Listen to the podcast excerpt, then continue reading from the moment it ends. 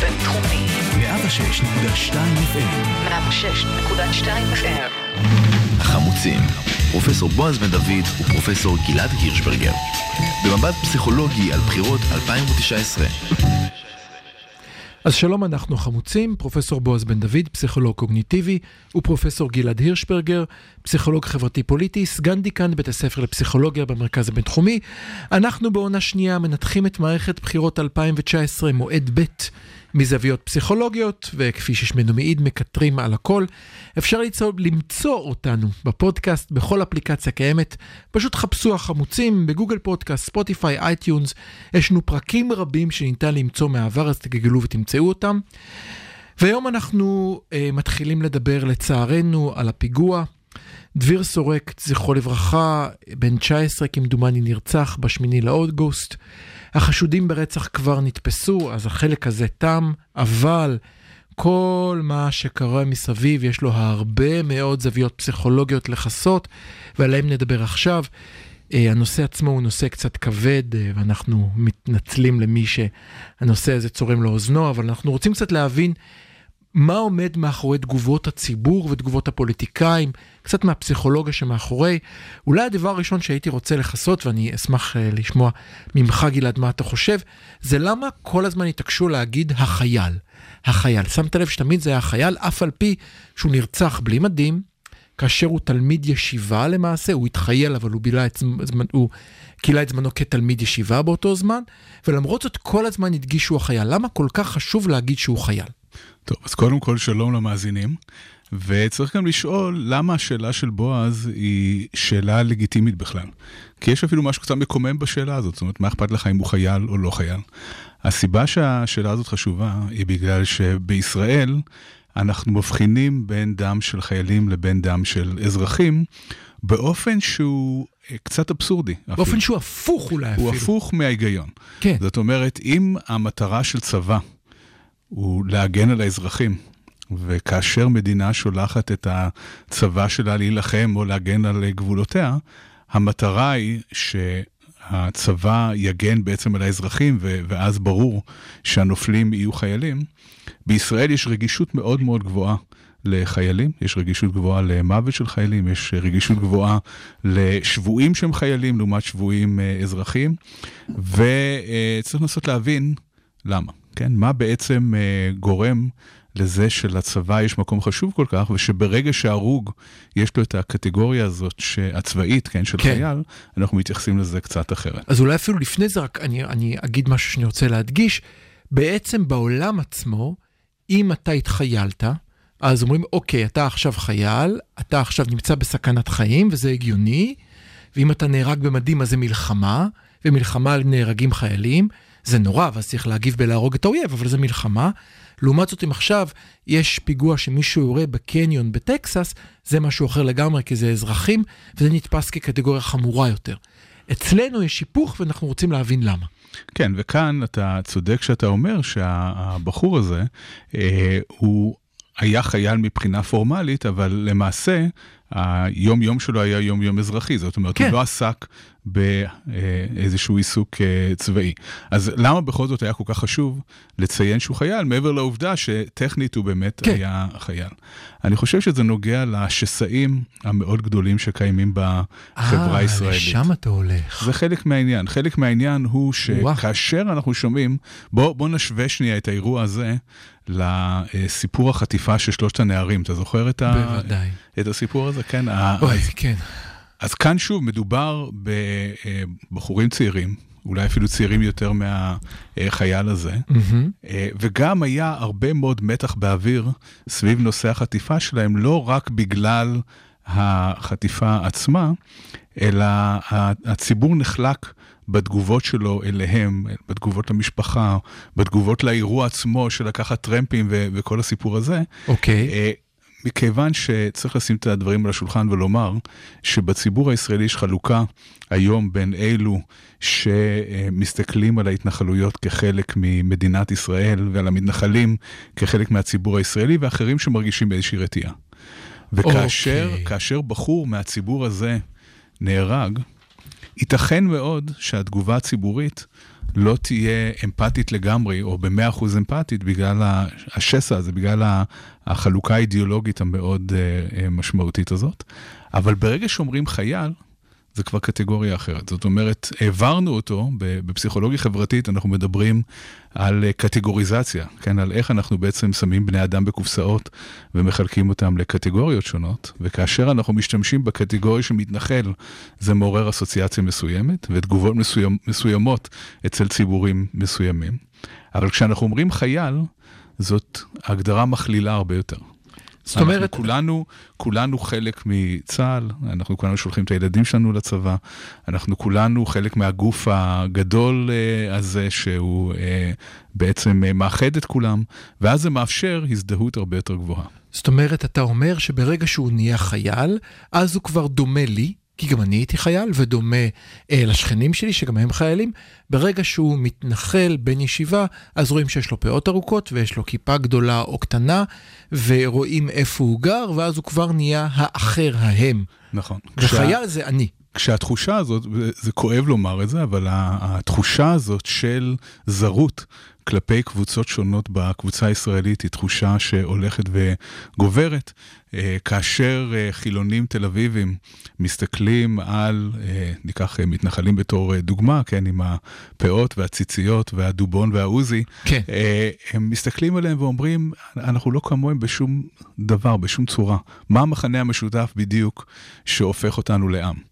ואנחנו, אני לא רוצה לדבר בשמם של הצד השני, אבל גם כשהם, עושה רושם שכשהם מסתכלים אה, לכיוון אה, תל אביב, אז הם גם אומרים, מי זה האנשים האלה שאין להם שום זיקה למסורת ואין להם שום זיקה לדת, והם אה, הולכים לאכול שרצים בתשעה באב, אה, מה, מה לנו ולהם? אז התחושה הזאת היא תחושה שהולכת וגוברת, היא תחושה מאוד מסוכנת בתוך אה, חברה, אבל הקטגוריה של צבא, גורמת לנו להרגיש שאנחנו בכל זאת uh, ביחד.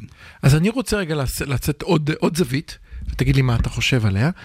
Uh, אפשרות נוספת, מעבר לעובדה שזה מצא אותו בקטגוריה שקרובה אליי ואני יכול להזדהות איתה, אני חושב שיש גם קטע נוסף. Uh, אני אסביר. אם אתה תיארת קודם את שלושת החטופים ושאלת אם לקחו טרמפ, לא לקחו טרמפ, ומה זה אומר. אם אני לוקח טרמפ, אני אנסח את זה יותר פשוט, אני, אני אתן דוגמה יותר פשוטה. לא נעלתי את הבית, בא פורץ גנב, נכנס הביתה, גנב לי את המחשב. הפורץ אשם, חל עליו אשמה, מגיע לו עונש, הכל בסדר, אבל אולי גם אני קצת אשם כי לא נעלתי. ונעלתי, אבל לא נעלתי מספיק חזק. אז אולי גם אני קצת אשם כי לא נעלתי חזק. אז עכשיו אתה נכנס למשהו שהוא מאוד מעניין, זה הפסיכולוגיה של ייחוסי אשמה. בדיוק. אוקיי, הפסיכולוגיה של ייחוסי אשמה, אוקיי, הפסיכולוגיה של ייחוסי אשמה עובדת לכל מיני כיוונים. מה שאתה אומר כרגע, זה כאשר אה, קורה לך משהו רע בגלל שאתה לא נזהרת, אז אתה אומר, אני חצי אשם. זאת אומרת, נכון שהפורץ אשם בזה שהוא פרץ לביתי, אבל גם לי יש... הפורץ אסור לפרוץ גם לבית לא נכון, לא נעול, נכון. וגם לבית עם מנעול קטן. אבל יש לי אחריות כלשהי. בהחלט. אבל עכשיו אני רוצה להפוך את העניין הזה ולהסתכל על איך אנחנו משתמשים בייחוסים אה, הגנתיים, או איך אנחנו משתמשים בייחוסי אשמה כדי להגן על עצמנו. כדי להגן על עצמנו. לי זה לא יקרה, אתה מתכוון נכון. לומר. אז אוקיי. כאן אתה, אתה עולה על נקודה מאוד חשובה. כשאנחנו שומעים שדבר נורא קורה, כן? אה, מישהו נרצח. המנגנון האוטומטי שפועל אצלנו הוא לשאול איך אנחנו לא כמוהו, ואיך אנחנו לא עושים דברים שהוא עושה שיכולים לגרום לתוצאה דומה. אז אם אנחנו רואים, טוב, הוא מתנחל, הוא לא גר בתל אביב, אז לכן הוא מסתכן יותר, ולכן יותר סביר שזה יקרה לו. אנחנו מגינים על עצמנו בפני האפשרות פסיכולוגית, אנחנו מגינים על עצמנו כן, כי אני לא גר בשטחים, כי אני, אני לא גר ברמת גן, אז הכל בסדר. ולכן הכל בסדר. כשאני אה, אומר שהוא לקח טרמפים, אני גם יכול לומר לעצמי, אוקיי, אני לא לוקח טרמפים, ואני לא נותן לילדים שלי לקחת טרמפים, ולכן דבר כזה לא יכול לקרות לי. בדיוק. כמובן שמדובר בסוג של אשליה, כן? בסוג של uh, התנהגות הגנתית. כן. אנחנו רוצים להאמין שהעולם צודק, שדברים טובים קורים לאנשים טובים, ושדברים רעים אולי לא קורים לאנשים רעים, אבל לפחות לאנשים שהם לא זהירים. אה, כי אם אני אזהר יהיה בסדר. ואם אני אזהר יהיה בסדר. אה, הצרה היא שזה לא עובד ככה, לא כן? נכון. שדברים רעים יכולים לקרות גם לאנשים הכי זהירים. ואז באמת זה מאיים מאוד. אגב, אה, אחד המחקרים המוקדמים שלי, עוד מ-2006, אה, מראה בדיוק את האפקט הזה, שדווקא כאשר אנחנו נחשפים לפגיעה חמורה אצל אדם חף מכל פשע, אדם שבעצם התנהג בצורה הזהירה ביותר, הצורך שלנו לייחס לו אשמה עולה, למרות שאין בו אשמה. בוא תפרט קצת, בוא נשחק את המשחק. רק uh, בקצרה, כן. זה, זה מחקר שבעצם הציג תרחישים שונים של תאונות דרכים. בחלק מהתרחישים הנהג נוסע באור אדום ונפגע, בחלק מהתרחישים הוא נוסע באור ירוק ונפגע. בחלק מהתרחישים הוא נפגע קל ובחלק מהתרחישים הוא נפגע קשה. עכשיו, הנהג שנסע באור ירוק ונפגע קשה, הוא הנהג המאיים ביותר עלינו. כי אנחנו אנשים טובים שנוסעים באור ירוק, ובלתי נסבל בעינינו שדבר נורא כל כך יכול לקרות למי שמתנהג כשורה. ולכן הצורך שלנו למצוא בו רבב, למצוא בו אשם, הוא גבוה יותר. כי חייב להיות משהו, כי אחרת... חייב, חייבת להיות סיבה. לא יכול להיות שאנשים מתנהגים בסדר וקוראים להם דברים רעים. האמונה בעולם הצודק, וכך גם מגיעים, לא ניכנס לזה, אבל מגיעים כמובן להאשמת הקורבן, והיא לבשה חצאית, ולכן זה קרה לה. משפחה של אפקטים, נכון. אנחנו מגיעים לשם. אני רוצה להוסיף רק עוד, עוד, עוד דבר אחד לנקודה הזאת, עדיין אני חופר על החייל, אבל אני חושב, יש כאן עוד משהו, שאני רוצה להוסיף את הרמה השלישית, ותוביל את זה לאיפה שאתה רוצה. אני חושב שגם אם היה מדובר בתושב רמת גן, שמייצג 70% מאוכלוסיית ישראל שגרה בגוש דן והמרכז, פחות או יותר 70-60%. אה, בכוונה לא אמרתי תל אביב, שלא תתייג אותו. לקחתי בכוונה רמת גן, כפר סבא, פתח תקווה, okay. אוקיי. מה שאתה רוצה, אוקיי? Okay? עדיין יש אצלנו משהו בעיניי מעוות, שאומר שילד בן 19 שנהרג, זה פחות חמור מחייל בן 19 שנהרג. זאת אומרת, עדיין אני חושב, אפילו אם לא היה את נושא ה... אה, הוא הסתכן או לא הסתכן, הוא גר בשטחים או הוא דומה לי, אפילו אם הוא דומה לי, הוא איזה בחור מ- מראשון שדומה פחות או יותר ל-70% מאוכלוסיית ישראל, בסדר? עדיין יש משהו, ואני חושב שזה נמצא בעיניי, וכאן תתקן אותי, אולי בגלל שאם הוא משרת בצבא אז אני שלחתי אותו.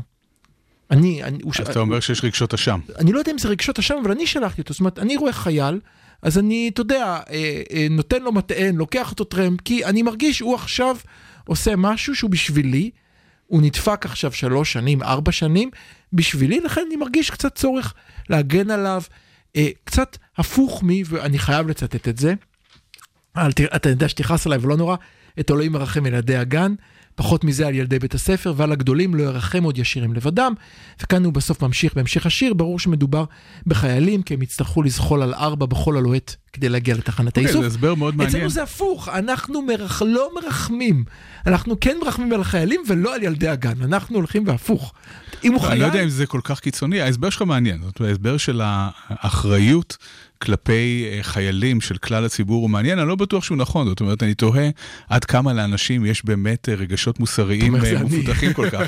אני, אני יכול לתת, חשבתי שאתה הולך לכיוון אחר, ואני יכול לתת הסבר אחר. לך על זה. שהוא שחיילים... מייצגים את הביטחון שלנו. וברגע, ש, וברגע שיש סדק בחומת הביטחון, זה מאיים עלינו. כלומר, ברגע שחייל נפגע, זה אה, באיזשהו מקום חותר תחת התחושה שלנו שצה"ל הוא צבא כל יכול, שהוא בלתי מנוצח, שאי אפשר לפגוע בנו, שחיילינו הם הטובים ביותר והגיבורים ביותר וכולי. כל אה, פגיעה בחומת הביטחון הזאת מעוררת אה, אימה מאוד גדולה, ולכן זאת אחת ה, זה אחד ההסברים שלי של למה אנחנו יותר כואבים את אה, מותם של חיילים, אבל יש, אתה יודע, יש הסבר הרבה יותר פשוט. אם נרצה באמת ללכת להסבר הכי פשוט. לך על זה. לכולנו יש ילדים. אנחנו שולחים את הילדים שלנו לצבא, וכשחייל נפגע, אנחנו לא יכולים שלא לחשוב על זה ברמה האישית. כן, זאת אומרת שחייל הוא משהו שנוגע בכל אחד ואחד מאיתנו, ימין, שמאל, תל אביב, מתנחלים, אה, זה לא משנה, אנחנו כולנו אה, יכולים להזדהות עם העניין הזה. אז אני, אני ברשותך אסכם את החלק הראשון שלנו. אנחנו אה, תכף נחזור שוב לדבר על הפיגוע ועל התגובות לפיגוע. אז בחלק הראשון ניסינו להבין למה היה כל כך חשוב בכל מקום להדגיש שהוא חייל ולא חלילה לקרוא לו בן ישיבה, או לא חלילה לדבר על שום דבר אחר מלבד היותו חייל. או מתנחל. או, או מתנחל, או בן לם, יש לו משפחה מאוד מעניינת, מאוד מיוחדת. בכל זאת כולנו הקראנו על חייל, ניסינו לדבר על כמה אפשרויות. אמרנו, מצד אחד, אם זה חייל, אז כולנו יכולים להזדהות איתו, אם זה מתנחל, אז אולי חלק מזדהים וחלק לא. דיברנו על כך שאם הוא חייל אז הוא לא אשם. אם הוא מתנחל אז אולי הוא יסתכן, אם הוא כך לקח טרמפ אז אולי לקח הוא טרמפ. קיבל החלטות. בדיוק, הוא, שלחו אותו, הוא לא האשם, שלחו אותו לשרת עכשיו ב-X, הוא הלך לשם כי, ואני אמרתי אולי כי אנחנו שלחנו אותו, אתה אמרת שעליתי כאן יותר מדי ואמונתי בבני אדם. לא, אולי אתה צודק, אולי אני ציני מדי. לא, בסדר, אני גם מאמין בבני אדם, זה מחלה. ואז אמרנו, יכול להיות שפשוט יש כאן משהו הרבה יותר בסיסי, שחייל הוא חומת ההגנה שלנו. ואם חייל נפגע, אני כבר לא יודע אם הוא אני מסמל בטוח. את ההגנה שלנו, כן. אני כבר לא יודע מה בטוח, כי אם הצה"ל נפגע, אז לאן אני אמשיך. אז זה היה החלק הראשון שלנו, אנחנו היינו החמוצים, טכנאית השידור שלנו היא מאיה פרדו, יש לנו עוד קטעים מהיום, חלקם יקרו עכשיו בלייב, חלקם נמצאים בפודקאסט, אם אתם בפודקאסט, ניפגש עוד דקות.